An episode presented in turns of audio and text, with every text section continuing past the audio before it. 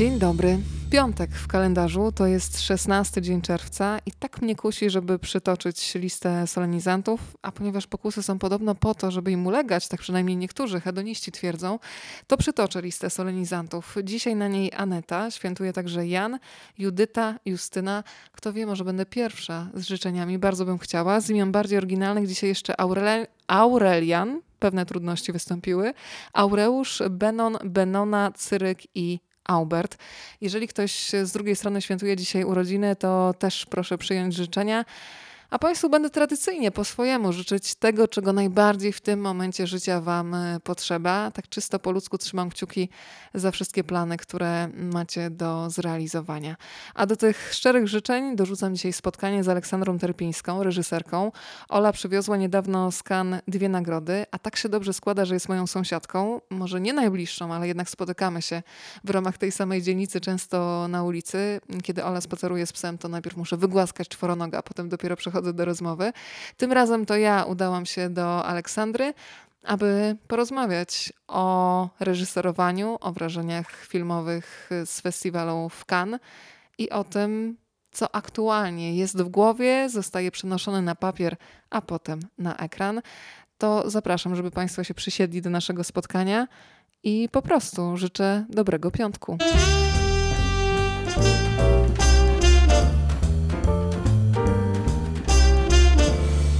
Ponieważ zawsze chcę, żeby Państwo się przysiadali do nas do rozmowy, to powiem, że siedzimy sobie dzisiaj w pewnym sensie prawie na dachu. Tak, to jest dach. To kiedyś był dach, teraz jest taras.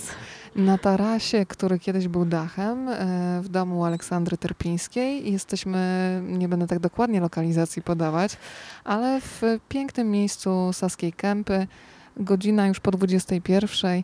Jest jeszcze ciepło. Państwo już mam nadzieję się rozsiedli przy nas e, i zaczynamy wspominać e, Kan. Aleksandra Terpińska, reżyserka filmu Najpiękniejsze fajerwerki ever. Dzień dobry. Ola, powiedz mi, to był najpiękniejszy festiwal ever?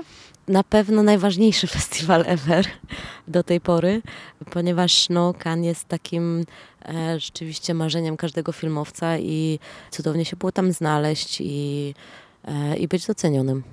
Wróciłaś e, z Cannes z dwoma nagrodami. Mm, powiedziałabym, że pozamiatałaś. Czy w ogóle się spodziewałaś, ale tak szczerze, z ręką na sercu, bo jednak się jedzie z jakimiś oczekiwaniami, czy się te oczekiwania wycisza? Dla nas samo to, że dostaliśmy się do selekcji było już tak ogromnym wyróżnieniem, ponieważ jest to 10 filmów e, krótkometrażowych w tygodniu krytyki. To była ta selekcja, do której zostaliśmy wybrani. Tam swoje e... filmy pokazywali Bertolucci, i Inaritu, i François Ozon, więc no właśnie, świetny więc duże, start. Duże wyróżnienie. Ja nie lubię myśleć o nagrodach. Nie lubię, bo e, to wprowadza jakąś taką niezdrową rywalizację i też wprowadza niepotrzebne jakieś nerwy moje, niepotrzebne pewny stan napięcia, więc jakby staraliśmy się raczej cieszyć tym, gdzie jesteśmy i po prostu raczej przeżywać ten festiwal na bieżąco niż się zastanawiać, chociaż oczywiście takie myśli też się pojawiały, no bo jednak to jest konkurs jednak e, są tam też inne filmy, więc e, obejrzeliśmy, tam były dwa sety po pięć filmów, obejrzeliśmy wszystkie pozostałe filmy, no i zrobiliśmy mały zakład tuż przed rozdaniem założyliśmy się, każdy rzucał 5 euro, mogliśmy głosować na wszystko, tylko nie na nasz film. Oczywiście jedna osoba z ekipy wygrała, ponieważ w naszej sekcji były przyznawane dwie nagrody. E, jedną dostaliśmy my od Kanal Plus, a nagrodę przyznawaną przez jury e, krytyków dostał hiszpański film Laury Ferres. E, więc jedna osoba z naszej ekipy, Paulina, zagłosowała na, na ten film i wygrała i chyba jeszcze wisimy jej kasę.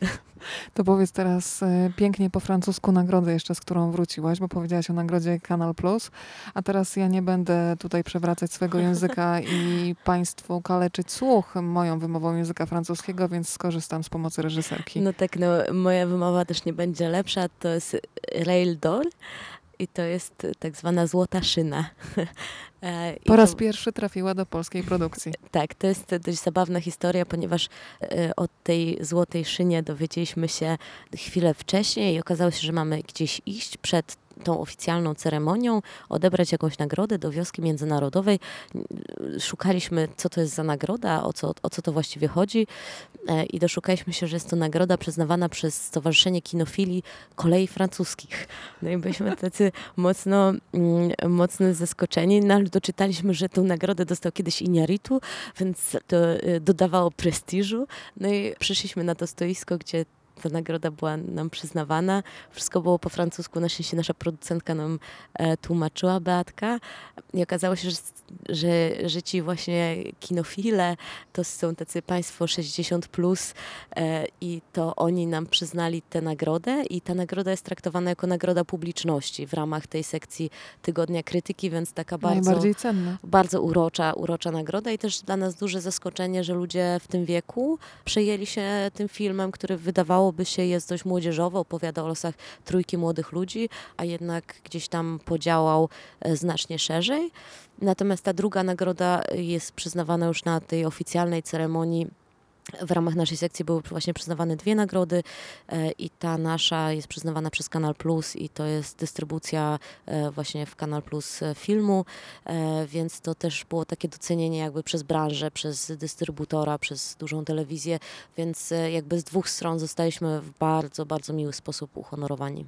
Ten film powstawał bardzo szybko. Ja sobie tak pomyślałam, że są ludzie, którzy cały czas mówią o tym, co robią i tacy, którzy po prostu zakasują rękawy i się biorą do działania i ty jesteś zdecydowanie w tej drugiej kategorii, bo muszę przyznać, że byłam pod wrażeniem, jak szybko ten film został zrealizowany. Spotykam cię czasami na Saskiej Kępie przy naszej ulubionej cukierni yy, i mówisz, że coś robisz i za chwilę ja widzę, że ten film jest zmontowany. Podziwiam taką konsekwencję i naprawdę tempo. Tak, rzeczywiście to, to były właściwie już chyba wyścigi sportowe, robienie tego filmu, ponieważ mm, ja właściwie nawet nie myślałam, że go zrobię, bo to jest też dłuższa historia, ponieważ ja napisałam najpierw taki ośmiostronnicowy scenariusz bardzo krótkiego i bardzo drogiego filmu o, o demonstracjach i o tym, jak trójka młodych ludzi mm, próbuje się wybić jakby z demonstracji i pójść na imprezę i szuka narkotyków, jakby będąc w kontrze do, do tego wszystkiego, co się dzieje. I później pojawił się konkurs scenariuszowy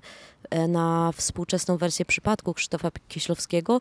I to właściwie mnie zainspirowało do rozszerzenia tych postaci, do dopisania jakby całego początku, więc e, właściwie też ten konkurs akurat dział się w czasie, kiedy mieliśmy dokrętki do Wołynia, więc też nie miałam za dużo czasu właściwie. Bo powiedzmy od e, razu, że współpracujesz e, z Wojtkiem z, z Wojtkiem Smarzowskim. też pracowałam przy Wołyniu, więc miałam cztery dni na to, żeby, e, żeby ten scenariusz napisać, więc właściwie tak dość szybko powstał, powstał draft taki 30-stronnicowy, czyli też 30-minutowy, bo to się tak właśnie przekłada. No i złożyłam ten, ten scenariusz na konkurs e, i e, okazało się, że on został wybrany jako jeden z czterech najlepszych scenariuszy i później był tak zwany pitching, czyli takie przedstawienie projektów, na który przygotowaliśmy już taki wstępny trailer, bo jakieś sceny mieliśmy nagrane na demonstracjach e, rok wcześniej, bo chcieliśmy po prostu spróbować zrobić to na partyzancko, zobaczyć, czy w ogóle to się uda. To była jakaś taka dzika, szalona próba po prostu zróbmy to. Jakąś jedną scenę nagraliśmy jeszcze na szybko we Wrocławiu przed tym pitchingiem, więc przyszliśmy tacy na takiej punkowej energii, że tu już mamy, tylko potrzebujemy cztery razy większy budżet. No i Państwo powiedzieli, bardzo nam się podoba, tylko nie mamy takiego budżetu. No i się powiedzieli, Raz dobrze, to sobie sami. dziękujemy. Ale okazało się, że jednak wygraliśmy ten konkurs. No i ja jak się dowiedziałam, to szczerze mówiąc nie było mi do śmiechu, ponieważ wiedziałam, z czym to się będzie wiązać, bo nie wyobrażałam sobie, że w ogóle to się uda w tak małym budżecie, a w dodatku e, jednym z punktów regulaminu tego konkursu było to, że pierwszy taki pokaz właśnie zamknięty, wewnętrzny e, będzie na Europejskich Nagrodach Filmowych 12 grudnia, a to był e, jakiś koniec sierpnia, więc koniec tempo. lipca, koniec lipca, tak. E, bo to było na Nowych Horyzontach, więc e, raptem mieliśmy cztery miesiące na zrobienie, właściwie jeszcze na dopisanie scenariusza i nakręcenie, zmontowanie, korekcję barwną, całą postprodukcję dźwięku, obrazu i, i 12 grudnia kopia była już we Wrocławiu. I tu zaczyna się ten moment, kiedy trzeba zarazić swoim entuzjazmem innych. Ja sobie przypominam posty na Facebooku. Czy danego dnia jesteście wolni, czy nie chcielibyście postatystować, będziecie tymi osobami, które przewijają się w demonstracji? Jaki był odzew? No, y, odzew w takich sytuacjach e, oczywiście jest taki, że wszyscy, jeśli chodzi o statystów, bardzo chcą pomóc, ale później coś im wypada, więc, więc tutaj pochwała dla wszystkich tych, którzy pomogli.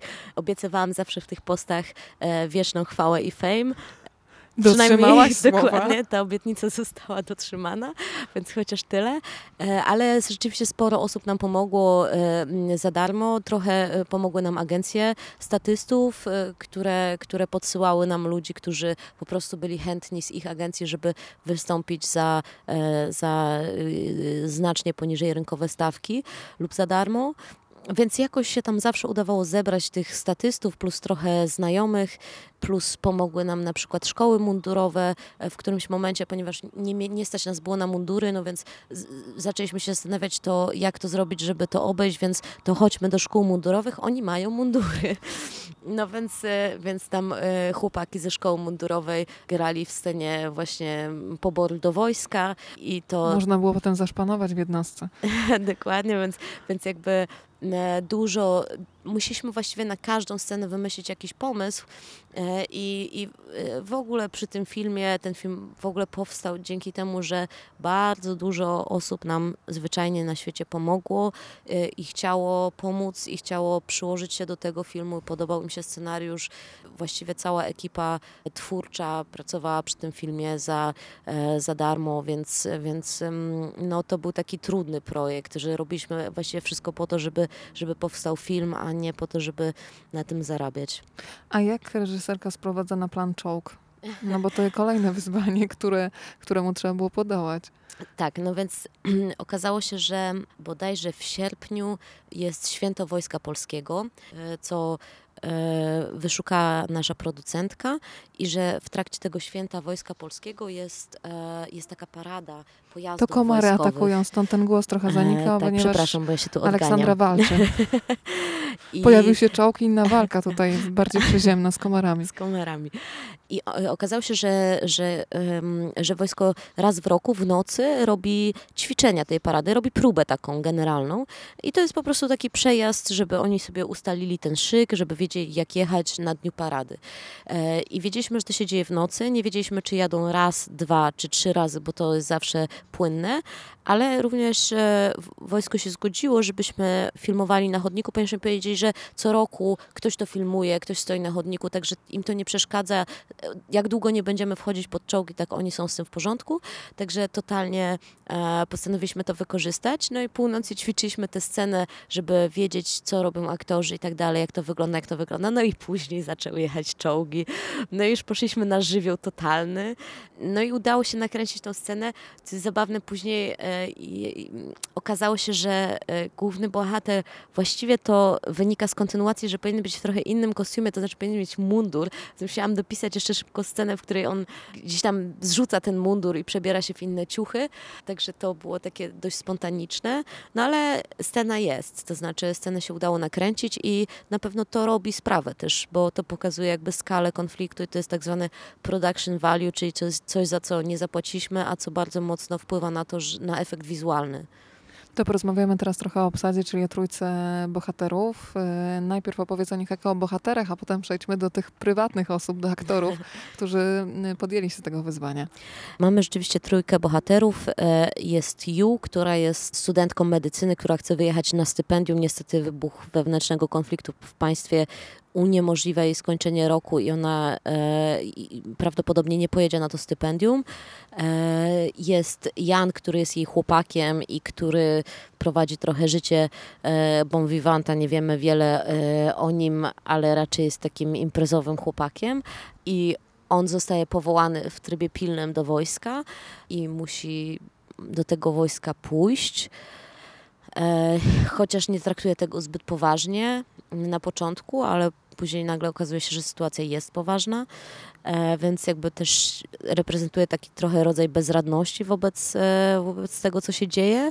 E, no i jest trzecia bohaterka grana przez Malwinę Bus, Anna jest e, taką walczącą aktywistką, która jest po stronie e, barykady e, i, i po stronie rebeliantów i ona też będzie musiała trochę przeformatować swoje myślenie o tym, po czyjej stronie jest i co tak naprawdę ta jej strona reprezentuje, ponieważ okazuje się tam, że, że jej kamraci napadają na, na, na, na autobus y, właśnie z rezerwistami z wojska. Także to są takie trzy postaci i Powiedziałaś o Malwinie, to teraz jeszcze... E, jeszcze tak, e, Ju, czyli Justyna Wasilewska i e, Piotr Polak jako Jan.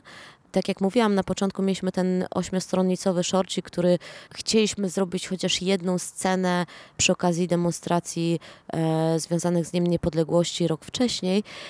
I ja właściwie tę rolę napisałam dla Justyny, z którą wtedy mieszkałam. E, myślałam już o niej od początku i my się znamy z liceum. I mieszkałyśmy wtedy razem i też się przyjaźnimy i po prostu chciałam, żeby to była ona. Te zdjęcia okazały się prawie, że z dnia na dzień, ponieważ ja wymyślałam, że dobra, są te demonstracje, to chodźcie, coś nakręcimy, więc e, casting był taki na zasadzie, kto z moich ulubionych aktorów może. I okazało się, że może Piotr Polak. Piotra uwielbiam, szanuję i strasznie się cieszyłam, że, że to może być on, bo mam takie poczucie, że jest trochę niedocenionym aktorem, że jeszcze, e, jeszcze totalnie, totalnie wybuchnie. Teraz zagrał rolę u Bodo Coxa, główną, także, także czekamy z niecierpliwością. Wspaniały człowiek, wspaniały. Więc już cieszyłam się, że mam tę dwójkę i później, ponieważ ta dwójka była kluczowa do tamtych scen i się też doskonale sprawdzili, także tutaj jakby intuicja nie zawiodła. No i później y, trzeba było dobrać do nich jeszcze trzecią osobę i właściwie no, miałam w głowie dwie aktorki. Y, zdecydowałam się w końcu na, na Malwinę Bus, którą znałam z castingów do poprzedniego filmu i miałam też taką intuicję wobec Malwiny, że, że ona jest, jest świetna wtedy, jakby nie, nie pasowała mi trochę do tamtej roli, do której szukałam, ale wiedziałam, że bardzo chcę z nią pracować, więc jakby e, stąd się pojawiła Malwina Bus, właściwie casting to było już takie, takie nagranie pro forma, chciałam tylko ją zobaczyć z Piotrkiem i, i wszystko, wszystko tam zagrało, także e, tak, bo dla mnie też jest ważne, żeby aktorzy między sobą mieli chemię i żeby, żeby się rozumieli między sobą bo no, jakby zawsze to, to też się przekłada trochę na ekran. Chciałabym, żeby po tej rozmowie ci, którzy będą nas słuchać, pomyśleli sobie, że jeżeli mają jakiś pomysł, to po prostu trzeba go zacząć realizować, zamiast o nim tylko i wyłącznie opowiadać. Kiedy weszłam dzisiaj do ciebie do mieszkania, to jakoś znajome wydało mi się to wnętrze i pomyślałam, ja je chyba znam z filmu,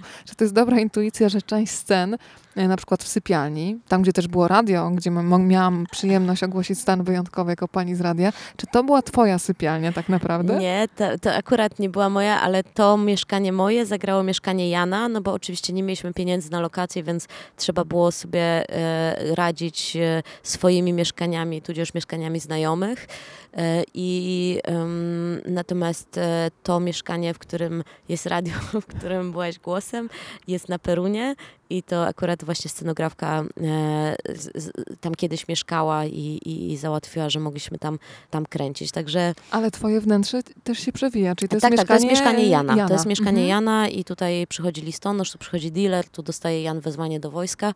E, nawet na, na tę potrzebę pomalowaliśmy ścianę na niebiesko, która niestety się nie pojawia w filmie, więc zostałam niebieską ścianą, będę musiała ją przemalować na biało. Może się przyda, słuchaj, do kolejnego filmu. No nie wiadomo. Powiedz y, jeszcze o takiej jednej rzeczy, no Kan w ogóle, jak, jak się rozmawia, no wielu ludzi marzy, żeby w ogóle się tam pojawić no też musiałaś wybrać kieckę. Jak się widzimy na, zazwyczaj na Saskiej Kępie, no to umówmy się, zazwyczaj obie jesteśmy w spodniach, e, adidaski, a tutaj nagle trzeba tak trochę na wyjściowo. Ale czy to też nie była taka czysta jednak kobieca przyjemność, że jest okazja i warto ją celebrować? Czyli widziałam fantastyczne szpilki, widziałam kieckę i miałam wrażenie, że się dobrze czułaś.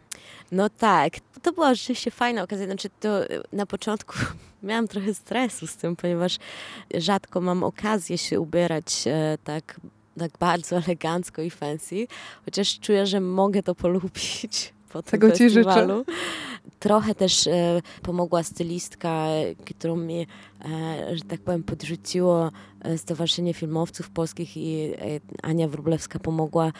Dostałam też sukienkę taką bardzo wieczorową, tą długą, którą miałam na rozdaniu e, nagród jakby od, od stylistki i od, od polskich projektantów, ale też e, muszę przyznać, że sporo, sporo e, kasy wydałam też na, na sukienki przed, żeby właśnie choć raz wyjść z tego takiego filmowego outfitu, który jest zwykle po prostu puchówką, grubymi spodniami i jak najwygodniejszym, jak najcieplejszym ubiorem. Wiesz, Także... co mi przypomniałaś? Kiedyś Andrzeja Wajdę pytali studenci, co jest najważniejsze u reżysera i spodziewali się na jakiejś takiej skomplikowanej odpowiedzi i podobno pan Andrzej powiedział ciepła kurtka, moi drodzy, ciepła kurtka i to się Totalnie chyba tak. sprawdza. Totalnie tak, to, jest, to może uratować życie. Naprawdę ciepła kurtka jest absolutnie tak. No to słuchaj, e, powiedz e, mi jeszcze kilka, może zapalić. Państwo, na szczęście nie będziemy Państwa truć dymem, ale niech będzie prawda również zarejestrowana. Ja normalnie nie pochwalam, no ale co ja mogę tutaj? No, jestem na Twoim tarasie, na Twoim dachu, więc niech się dzieje.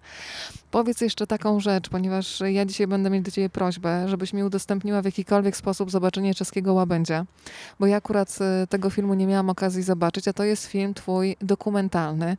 E, Przeczytałam opis i pomyślałam, że bardzo chcę go zobaczyć, tym bardziej, że ten film potem był już w czeskiej telewizji i zastanawiam się, kiedy masz większą frajdę, kiedy jesteś z kamerą w roli takiego obserwatora, który też no, trochę wchodzi w zastaną rzeczywistość, czy w momencie, kiedy masz pełne możliwości kreacyjne i opowiadasz swoją historię tak, jak chcesz. No więc y, y, ten dokument to jest e, absolutny wypadek przy pracy, w sensie takim, że już po nim na pewno wiem, że nie chcę robić dokumentów, ponieważ e, jest to, mm, no jest to bardzo trudna praca. Myślę, że ponad moje siły, umiejętności i osobowość. Także bardzo podziwiam wszystkich dokumentalistów, ponieważ to był chyba najtrudniejszy film, e, z jakim przyszło mi się zmierzyć. Powiedz E, dlaczego. Ja kiedyś pamiętam, że zastanawiałam się nad tym i nawet się też yy, zastanawiałam, czy, czy byłabym w stanie, ale ilość takich dylematów moralnych, na ile ja wchodzę, na ile zmieniam czyjąś rzeczywistość, nie pozwalał mi żyć, więc porzuciłam pomysł. Gdzie był ten problem dla ciebie w dokumencie? No myślę, że też tutaj e, w tym, co mówisz, że, e, że jest, to, jest to problem ten moralny, na ile, e, na ile możemy wejść w rzeczywistość osób, które sobie nie zdają sprawy, jak będziemy manipulować tym materiałem w montażu, co z tego wyjdzie i tak dalej. Ja tutaj wiedziałam, że nie robię tym paniom krzywdy i też one są tak cudowne i wspaniałe, że chciałam się nimi podzielić, więc jakby miałam za sobą przynajmniej to, że Patrzysz ich, z czułością kamery. tak, nie, nie wydaje na jakiś osąd czy coś takiego.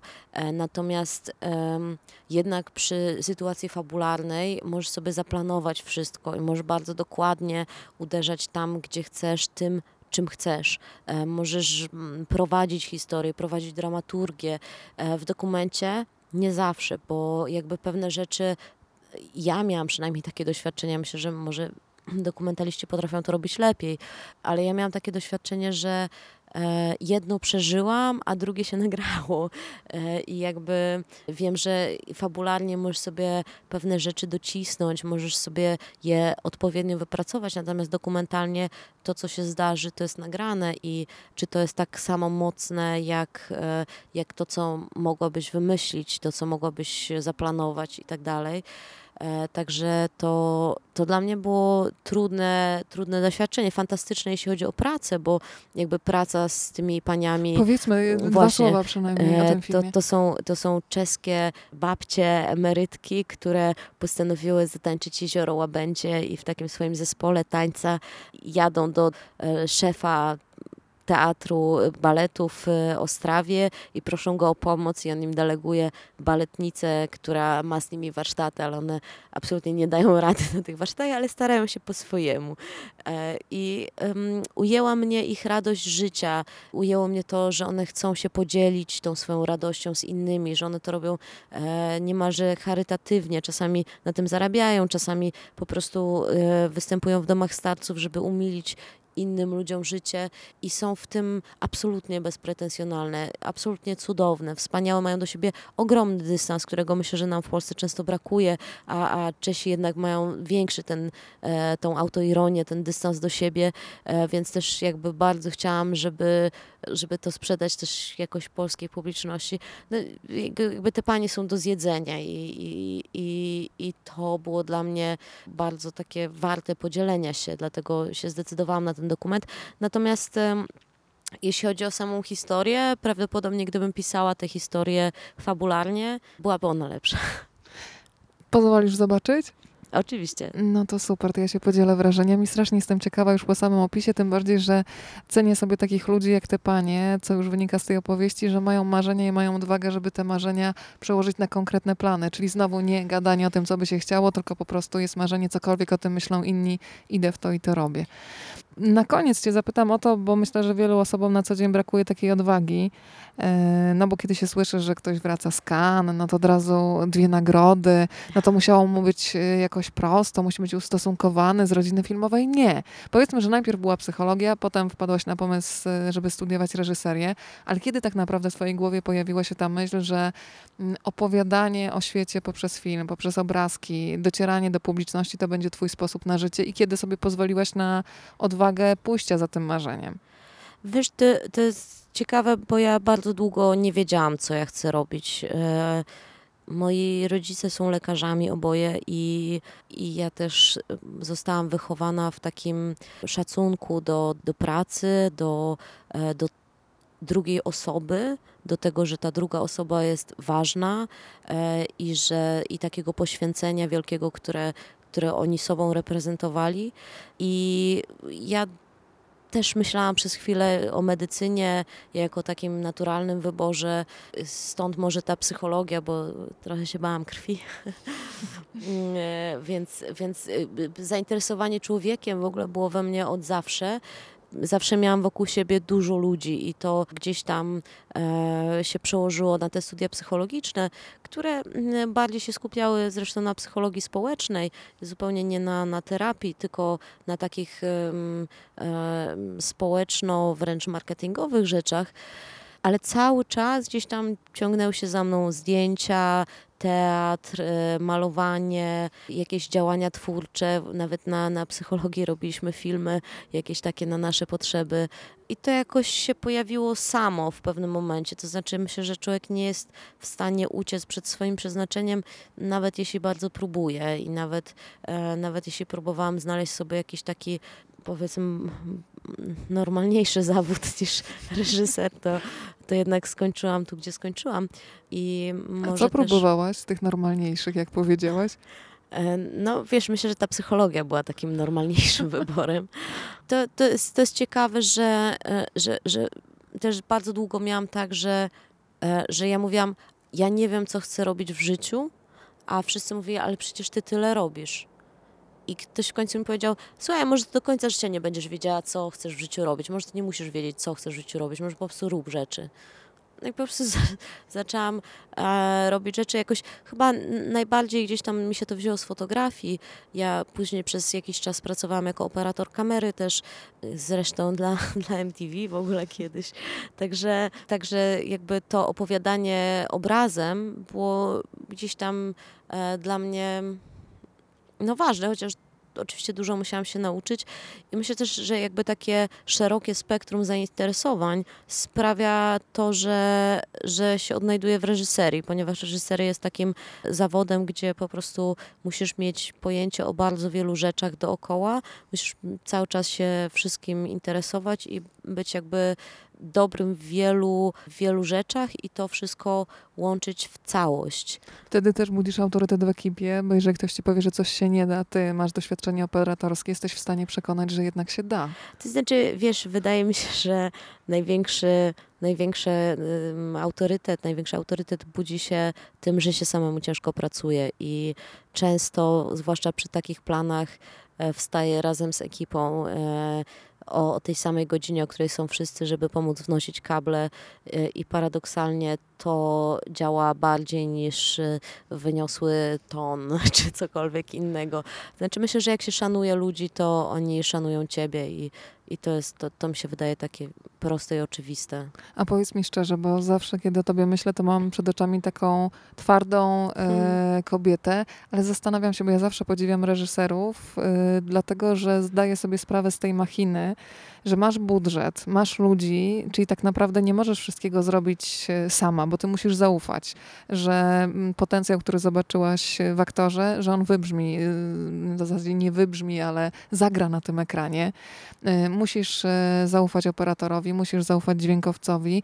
Potem mm, na montażu przecież też spełnia się, spędza się godziny. Zastanawiam się, czy miewasz takie ataki paniki, czystej słabości. Nie, nie mówię czy tej kobiecej czy męskiej, bo myślę, że emocje są wspólne i nie ma znaczenia, jaka to jest płeć, tylko czy budzisz się czasami w nocy i masz taki młynek pod tytułem pralka, w której wiruje pranie i nie jesteś w stanie wyłączyć myśli, co ja z tym zrobię. Bo ty Nie jesteś wiem, czy takim aż- dowódcą na statku, który w zasadzie dla, y, przy innych ludziach, mam wrażenie, nie możesz pokazać słabości w trakcie akcji, żeby nie osłabiać też Tak, jakby tak ich jest. przekonania, co robią, ale no chyba się jakoś odreagowuje, kiedy się widzi, że coś się wali, Ja, ja momenty. dużo płaczę, ja dużo płaczę. Naprawdę? Tak, ja, ja, tylko po cichu i w samotności. E, jak odreagowuję, to zwykle płaczem. I myślę, że to jest okej. To znaczy, jakby e, ja myślę, że okazywanie słabości też nie jest. E, To jest siła dla mnie. Mm, No właśnie, nie, nie, nie jest złe w sensie takim, że nie można tego robić w jakichś takich sytuacjach e, kluczowych dla ekipy, ale też e, to, że ludzie wiedzą, że mnie to kosztuje jakieś emocje. Mm, Też nie, nie ukrywam tego. E, Myślę, Bo nie ci, pójdą którzy... za robotem, a pójdą za człowiekiem. Dokładnie. Myślę, że ci, którzy pracują ze mną, to też wiedzą, że, że zdarzają mi się momenty, kiedy, kiedy po prostu potrzebuję ich wsparcia. I ja też lubię to, że ja pracuję z, z tymi ludźmi, z którymi pracuję i, i że oni są częścią tego i to są dla mnie taką ważną, immanentną częścią tego, co my robimy razem. Ja nigdy nie traktuję swojego filmu w kategoriach to jest mój film, tylko to jest nasz film i zapraszam ludzi, z którymi chcę pracować, którzy wnoszą wielką wartość do tego, co ja robię i, i wnoszą coś więcej, czego ja bym może nie wymyśliła i e, z jednej strony czytają mnie, a z drugiej strony dodają siebie. I też akurat przy fajerwerkach to było świetne, że było w ogóle bardzo dużo kobiet e, jako szefowie pionów. Właściwie można powiedzieć, że tylko operator był e, mężczyzną jako szef pionu.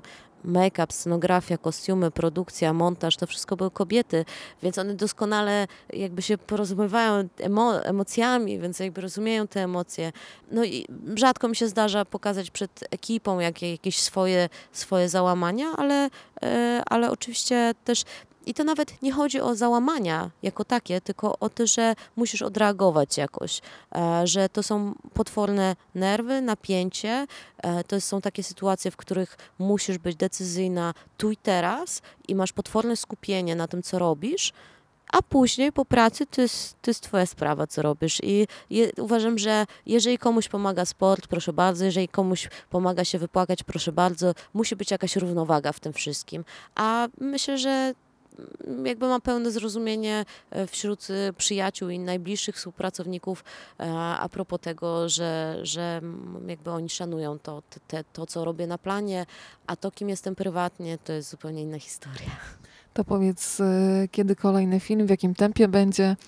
Jest jakieś marzenie do zrealizowania? Należy je wypowiadać na głos, więc może teraz, zanim nas zjedzą kamary tutaj na tym dachu, to jeszcze zobacz, jaki piękny księżyc jest swoją drogą. O, Drodzy no. Państwo, szkoda, że Państwo tego nie widzą, powiem językiem komentatora sportowego, radiowego. No ale wróćmy do Księżyc filmu. E, Wracając do filmu.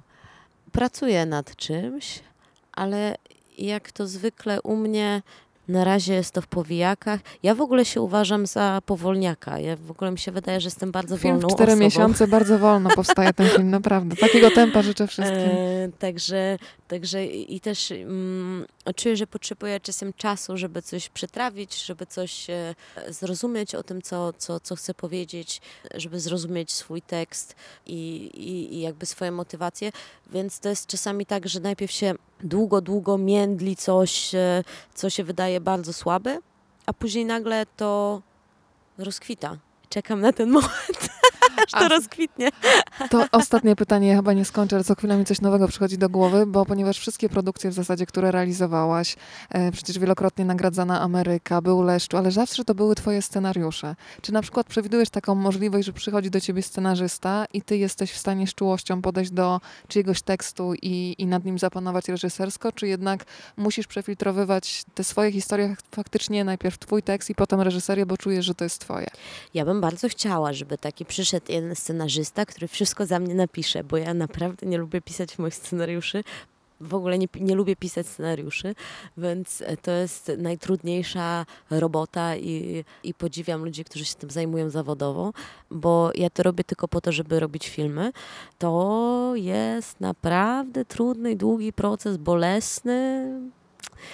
Także y, marzę, żeby przyszedł raz taki rycerz na białym koniu i powiedział, ty jest twój ekstra scenariusz, który zawsze miałeś w głowie. Ja powiem, dobra, super, to robimy już film, bo uwielbiam pracować na planie. Tak bym chciała bardzo, ale na razie tego rycerza na białym koniu nie ma, więc na razie muszę sobie radzić sama. Scenarzyści, może jesteście zaszyci w jakimś zamku, czas wyjechać, wsiąść na białego konia i podjechać tutaj na Saską Kępę i zostawić e, scenariusz.